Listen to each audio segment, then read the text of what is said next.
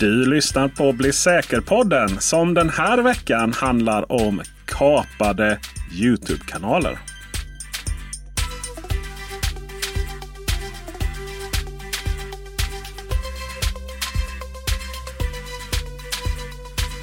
Mm, morgon, god morgon kära lyssnare. Och med anledning av det ämnet så har jag med mig en riktig youtuber här Tack. i veckan, precis som vanligt. Ja, det är Peter som står här. Ja, hur, hur, hur är man riktig youtuber? Eh, Du har 20 000 f- eh, prenumeranter tror jag. Ja, eller 25. 25, om vi ja ska, precis. Om vi ska räkna. Ja, det, då är du en riktig youtuber och eh, då ska det bli intressant att diskutera veckans huvudämne med dig. Men innan vi går in på det så har vi faktiskt, vi ska såklart konstatera att det här är inspelat den 30 mars för sändning den 31 mars och att Bli säker-podden i vanlig ordning produceras i ett ekonomiskt oberoende samarbete mellan Nika Systems och Bredband2.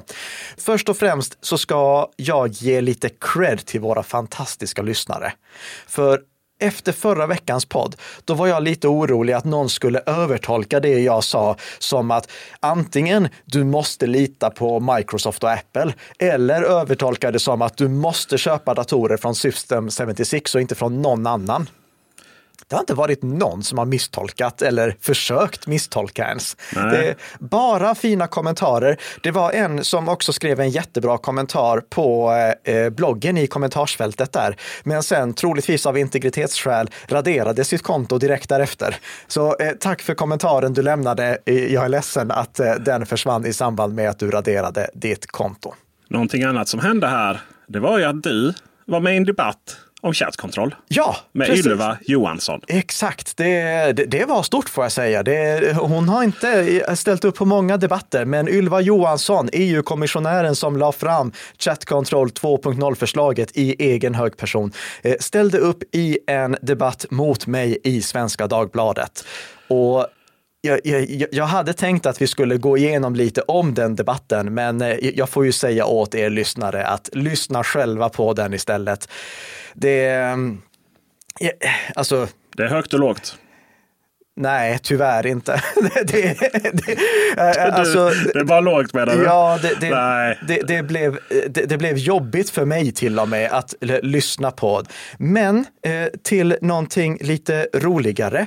Jag avslutade ju med att sträcka ut en hand till Ylva eh, och säga att jag jättegärna hjälper till att eh, ta fram ett förslag som för det första fungerar i verkligheten och för det andra inte tar bort vare sig mänskliga rättigheter eller barnens barnkonventionsskyddade rättigheter rättigheter.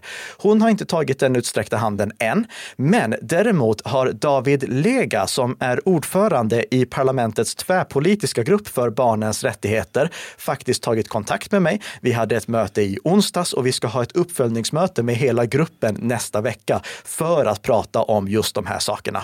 Så eh, stort, stort tack till David Lega och eh, Ylva. Den här handen är fortfarande utsträckt. Det är bara att höra av dig. Ett litet tips från coachen kan dock vara att inte försöka förklara hur Signal fungerar för mig, för att det, Det var där det brast. ja, det, det, det där var jag tvungen att bara avbryta. Det, alltså, det blev för patetiskt. Karl-Emil Nicka, du har varit och skrivit under ett litet upprop här i veckan. Det stämmer. Mm. AI är du rädd för. Det är jag. Jag är rädd för AI. Det har jag erkänt tidigare i den här podden. Eh, Om ni lyssnade på avsnittet som vi gjorde med Åsa Schwarz, då berättade jag i avslutningen att jag är livrädd för vad AI kan användas till. Men det var faktiskt inte av det skälet som jag skrev under det här brevet, utan det var av ett annat skäl. För att ta det från början, nu eh, eh tidigare i veckan, då publicerades ett eh, brev signerat bland annat eh, Steve Wozniak, du vet Apples grundare, Max Tegmark som är professor inom AI, Christian Landgren som vi känner igen från Öppna skolplattformen, en av Sveriges främsta utvecklare. Och det här brevet hade budskapet med citat på engelska. We call on all AI labs to immediately pause for at least six months the training of AI systems more powerful than GPT-4. Slutcitat. Det här var alltså kontentan av brevet som jag skrev under också. Alltså inte att stoppa AI överhuvudtaget, utan att stoppa AI eh, av den typ som är mer kraftfull än GPT-4, det som ChatGPT grundas på. Och ChatGPT har vi ju gjort ett avsnitt om och det lägger vi en länk till i våra show notes. Men när jag gjorde den här intervjun med Åsa Schwarz. Då lyfte jag framförallt upp risken för att då skulle nätfiskeattackerare kunna automatisera nätfiskeförfarandet som, eh, alltså de skulle kunna använda AI för att skriva riktade brev och brev som var trovärdiga och mejla ut på bred front för att försöka fånga så många offer som möjligt. Och det här ser vi ju redan. Eh, men det är faktiskt inte det som gjorde att jag skrev under det här brevet för att att, att säga liksom att vi ska stoppa teknikutvecklingen i sex månader eller pausa teknikutvecklingen i sex månader, det är väldigt långtgående. Det, jag trodde faktiskt aldrig att jag själv skulle skriva under på något sånt här. Det är många som skriver under för att det har gått så snabbt på senare tid, att utvecklingen har gått i en otrolig fart. Och det är klart att, det, när var det du och jag, Peter, började podda? November i fjol, va? Mm. Ja, bara under den tiden som vi har poddat tillsammans så har vi sett den här explosionen med eh, ChatGPT, OpenAIs lösning som byggs in i Microsofts tjänster och Googles rush för att komma ikapp Microsoft med lanserade tjänster. Jag säger inte komma ikapp på AI-fronten utan komma ikapp med lanserade tjänster, åtminstone lanserade tjänster i beta-stadie. Och ja, det har gått väldigt snabbt för att ChatGPT, det, alltså det har ju revolutionerat, inte varit någon typ av evolution när det kommer till att vi har fått lite smartare versioner av Siri och Google Assistant, utan det har ju revolutionerat vad vi kan använda artificiell intelligens till. Vi ser hur elever har börjat missbruka ChatGPT för att eh, skriva sina uppsatser. Eh, vi ser hur förövare automatiserar sina grooming-attacker saker eh, så att de använder eh, en AI-lösning för att automatisera inledande grooming-attacker så att de försöker attackera så många barn som möjligt på en och samma gång. Vi ser hur webben fullkomligen svämmar över med AI-genererat innehåll. Inte längre innehåll som är skrivet av journalister utan innehåll som bara är pumpat ut av artificiell intelligens. Jag förstår att ett sånt här brev kan behövas för att adressera de problemen. För som eh, Max Tegmark sa i Aktuellt i onsdags så kan inte något av de företagen som är bidragande till, till den här utvecklingen pausa utvecklingen själva, för då blir de omsprungna. Men företag som Max Tegmark hade pratat med hade själva vilja få en paus för att kunna få bättre kontroll över vad det är egentligen som eh, de här AI-lösningarna används till och hur de ska regleras. För att idag är det här ju i princip helt oreglerat. Så jag förstår det argumentet att vi behöver liksom ett sånt här samhällsbeslut för att trycka på pausknappen och fundera över vad vi vill att AI ska användas till, vad det ska kunna användas till, vad det ska få användas till.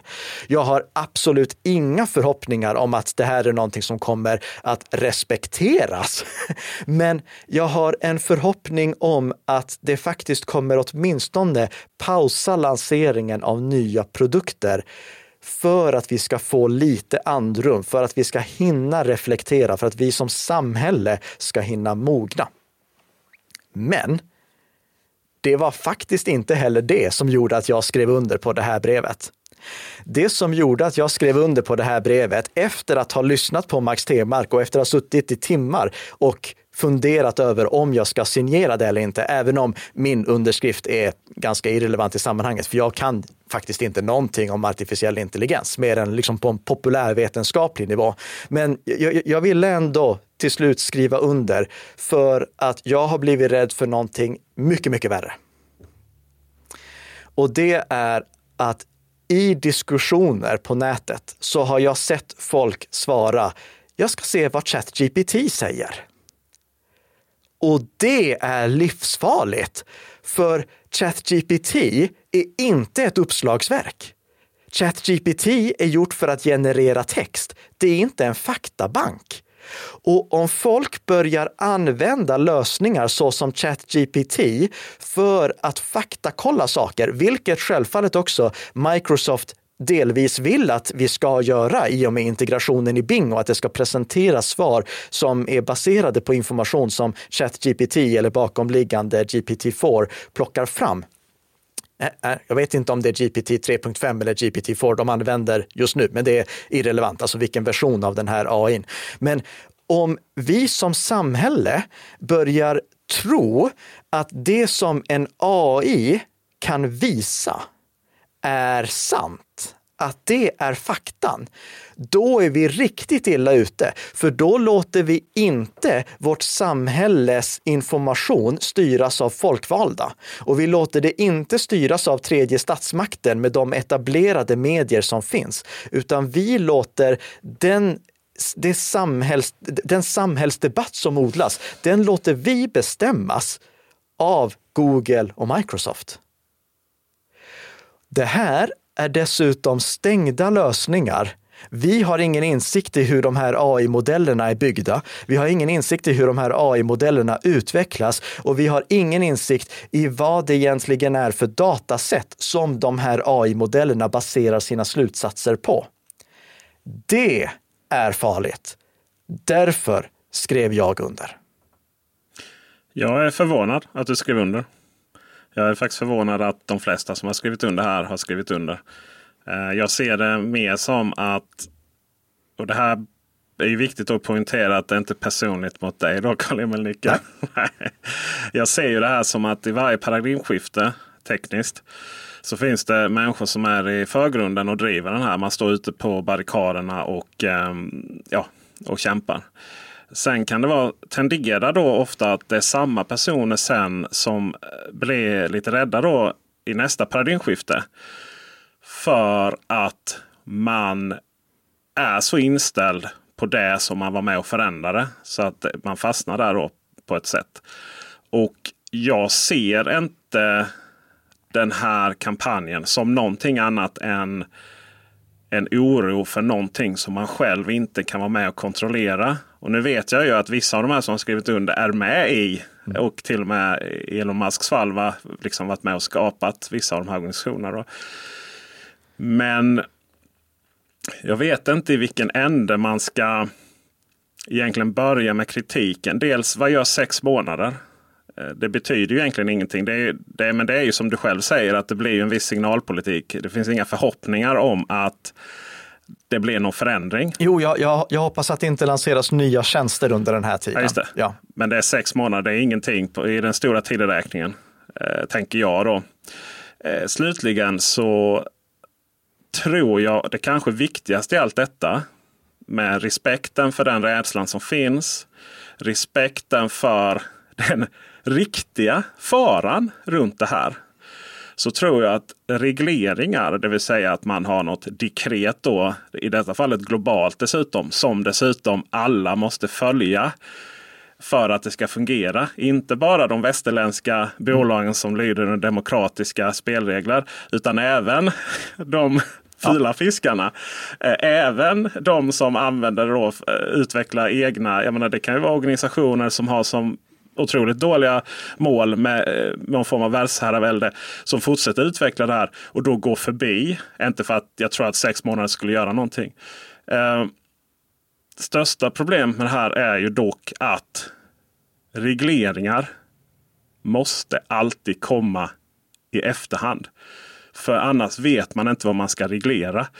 Tänk om man redan från början med internet hade sett de farorna som internet skapade. Herregud, om vi hade lagt det i händerna på EU-politiker, då hade vi inte haft ja. något internet. Um, och jag är rädd att vi måste gå igenom det här AI-stålbadet. Där källkritiken är hotad. Där innehållet för oss som jobbar inom media är hotat. Det är bara att programmera en AI-esse som går igenom pedagogiska saker på internet så jag är arbetslös. Jag tror att vi måste gå igenom alla de här stålbaden, alla de här farorna eh, för att sen kunna faktiskt komma överens om vad är det som ska gälla och vad får man inte göra? Och hur använder vi själva då AI för att batalja elaka AIs? Sen så som jag ser det med min populärvetenskapliga kunskap så är vi fortfarande så långt ifrån en, ska vi kalla det, tänkande AI. Det finns ju ett annat ord för det. Men just nu så har vi liksom ett lärande AI, eh, liksom ett small AI som, som egentligen bara samlar på sig massa information. Som sen vissa tror är någon form av universell vetenskap som vi kan, som vi kan sen ha som uppslagsverk då. Så, som du nämnde precis. Mm. Eh, vi är inte alls där där jag tror många tror att vi är. Det vill säga att en AI som tar över världen. Liksom. Eh, Skynet. Jag tror att det är många i den här diskussionen som, som ser det framför sig. Och vi är inte där ännu på långa vägar. Efterföljaren till ChatGPT 4. Heter det ChatGPT 4? Eh, GPT-4. Ja. ja. Efterföljaren till GPT-4 är inte Skynet. Därför skulle jag aldrig eh, signera detta. Och slutligen så tror jag också det finns en risk med att vara en del av det gänget. För när man väl har börjat den här kampen så finns det vissa som inte kan sluta den här kampen. Och vissa av de här som vaccinerat, present company excluded, kommer nog ha svårt att sen skilja på någon form av opartiskhet och den personliga kampen på någonting som man redan har hoppat på. Jag, eh, jag eh, lyssnar absolut på dina argument och jag tycker de låter väldigt sunda. Det var därför det var en väldig kamp för mig att ska jag skriva under eller ska jag inte skriva under? Men eh, jag gjorde det till slut. Du gjorde inte det. Vet du vad jag tycker är roligast av allt? Det är att vi har fått det första exemplet på en situation där vi inte håller med varandra, Peter. Just det. Ja. I alla andra sammanhang där vi inte hållit med varandra så ja. har du levererat två meningar som har förklarat en sak som har bristande kunskap för mig. Och så har, vi då, eh, har jag då korrigerat det här. Men i detta fallet så tror jag att vi ligger eh, i, grund, I grunden så vill vi ha samma typ av samhälle. Eh, och eh, sen så tror jag att i, i det stora hela så är, är ju det här för en gångs skull någonting som är så himla svårt att säga om i mm. framtiden. Ska vi gå vidare till någonting mer konkret? Oh, det tycker tillbaka jag. till verkligheten, ja. den brista verkligheten. Mm.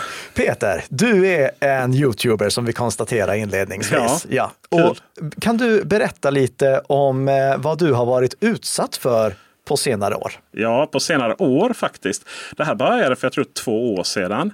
Så började jag få det första mejlet då, e-postmeddelandet om en eh, ja, contentbyrå som skickade till mig om jag ville testa ett nytt spel som var eh, någonting ifrån Epic Games har jag för mig.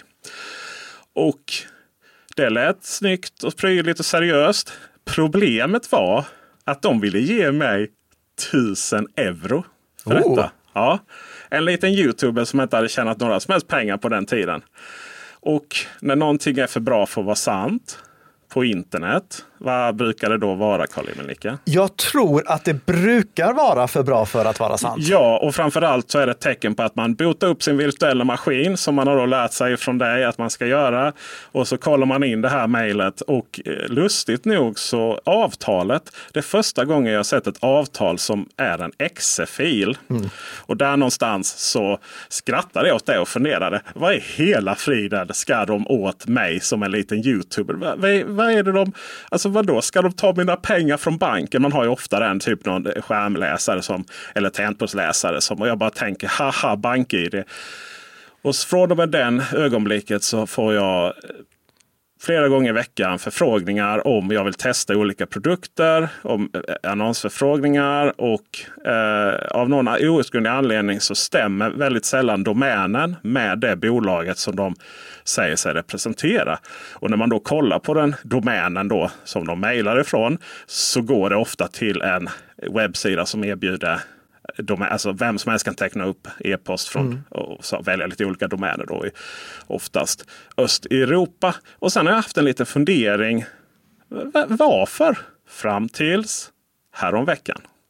Ja, för då råkade Linus Tech Tips, den här fantastiska YouTube-kanalen, eh, som egentligen inte bara är en YouTube-kanal, de har tre YouTube-kanaler. Det är ett stort mediahus nu. De är gigantiska, de är Ja. väl 50 till 100 anställda numera tror jag. Ja, det, och dessutom riktigt, riktigt duktiga.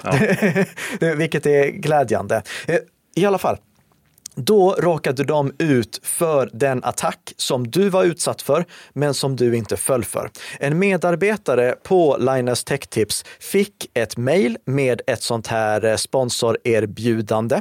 Mejlet innehöll en bilaga som såg ut att vara en pdf-fil. Men det var inte en pdf-fil. Och när medarbetaren öppnade det här den här pdf-fil-liknande filen, då blev medarbetarens dator infekterad med ett spionprogram, en infostealer.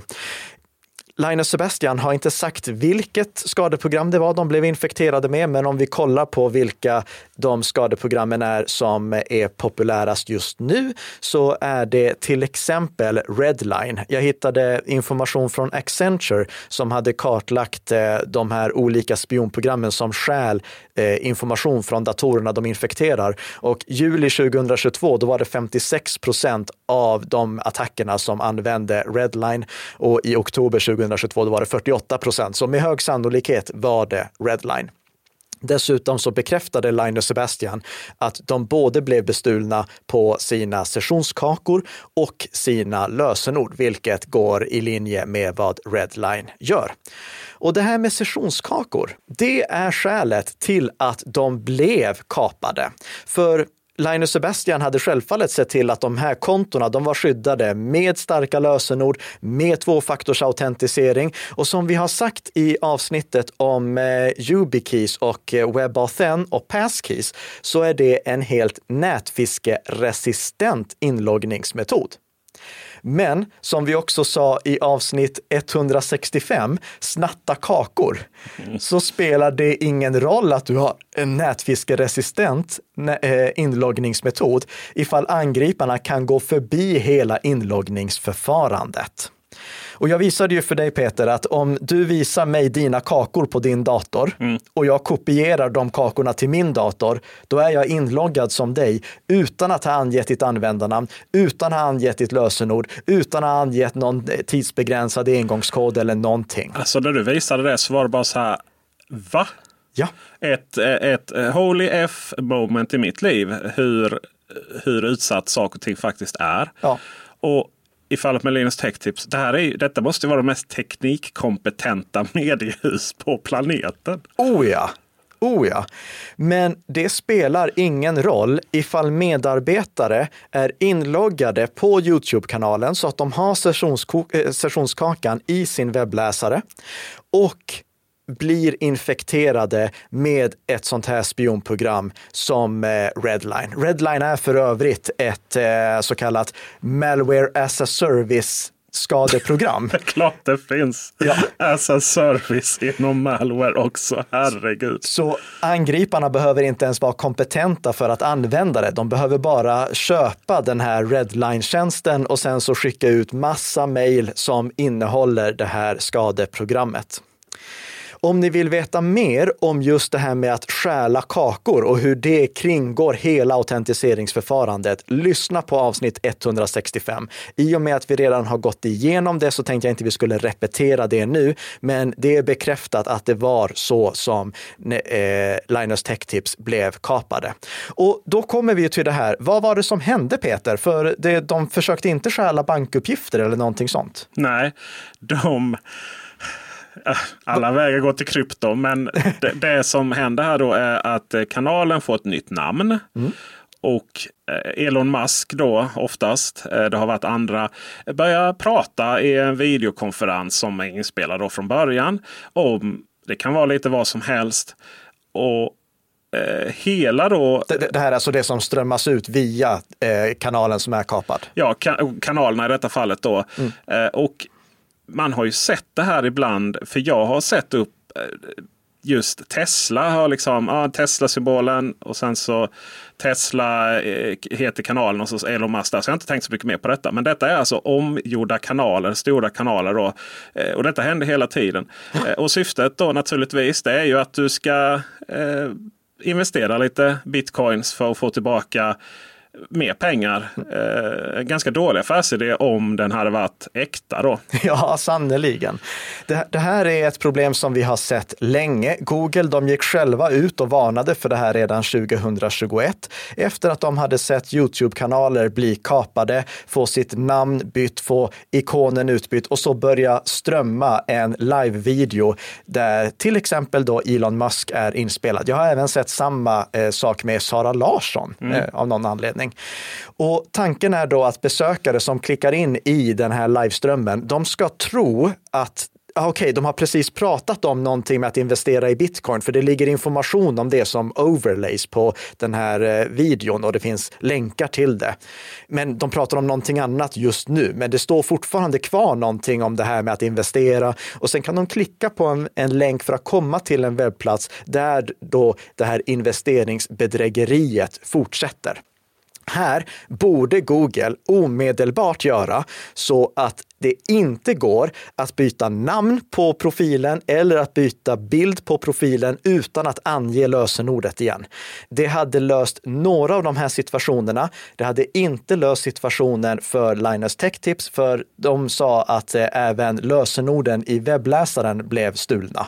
V vänta, vad, hade, det har jag missat. Hade de, webb, hade de lösenord i webbläsaren? De, eh, klartext? Linus Tech Tips sa i alla fall att lösenorden i webbläsaren blev stulna, så jag förutsätter Tar det. Tar tillbaka att det är de mest tekniskt kompetenta ja, det, det, kan ju hända att inte just det lösenordet låg i webbläsaren. Det vet vi inte någonting om, men han nämnde det specifikt mm. i videon som vi länkar till i våra show notes. Den rätta lösningen här, det är ju att spara lösenorden i till exempel Bitwarden för att Bitwarden låser sig automatiskt efter en viss stund så att du måste låsa upp Bitwarden igen. Och även om inte valvet krypteras direkt igen så lagras i alla fall lösenorden aldrig på disk. De lagras bara i minnet så att det blir svårare åtminstone för den typen av skadeprogram att komma åt lösenorden.